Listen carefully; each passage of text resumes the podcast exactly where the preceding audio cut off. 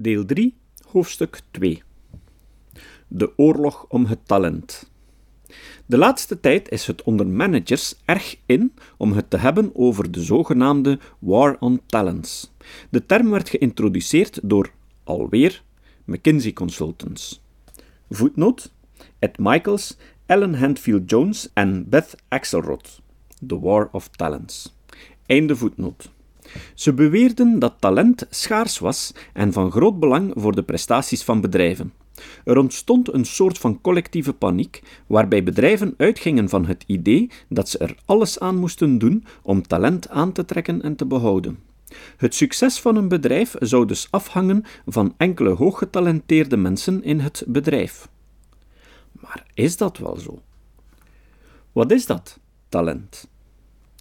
Carol Dweck is professor psychologie aan de Stanford University en doet al jaren onderzoek naar intelligentie, motivatie en talent. Ze stelt dat mensen weliswaar verschillen qua intelligentie, talent en vaardigheden, maar dat er inmiddels heel veel onderzoek is dat erop wijst dat de echt grote verwezenlijkingen het resultaat zijn van jarenlang gepassioneerde toewijding.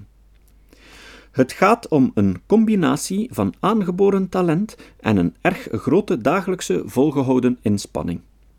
Ook volgens Margriet Sitskoorn, neuropsychologe en hersenwetenschapper, vergt een uitmuntende prestatie gemiddeld 8 uur bloed, zweet en tranen per dag.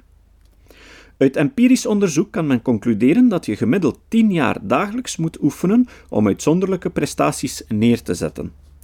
En dit ongeacht of het nu gaat over schaken, dansen, musiceren, jongleren, programmeren, natuurkunde of het uitoefenen van een medisch beroep. Erikson et Lehmann, 1996. Beroemdheden zoals Wolfgang Amadeus Mozart, Bob Dylan, Thomas Alva Edison, Charles Darwin, en Albert Einstein werden ongetwijfeld geboren met een zekere aanleg, maar zij hadden allen gemeen keihard te hebben gewerkt aan de ontwikkeling van hun talent. Volgens Dweck wordt in onze maatschappij talent heel erg overschat. Veel mensen denken dat aangeboren talent de sleutel tot succes vormt en dat die eigenschap niet verandert. Talent is echter geen waarborg voor succes. Wetenschappelijk onderzoek van afgelopen 30 jaar laat juist zien dat mensen erg kwetsbaar worden wanneer hun talent en intelligentie te veel benadrukt wordt. Ze blijken niet opgewassen te zijn tegen mislukkingen. Uitdagingen jagen hen schrik aan en ze zijn nauwelijks of niet bereid iets aan hun tekortkomingen te doen.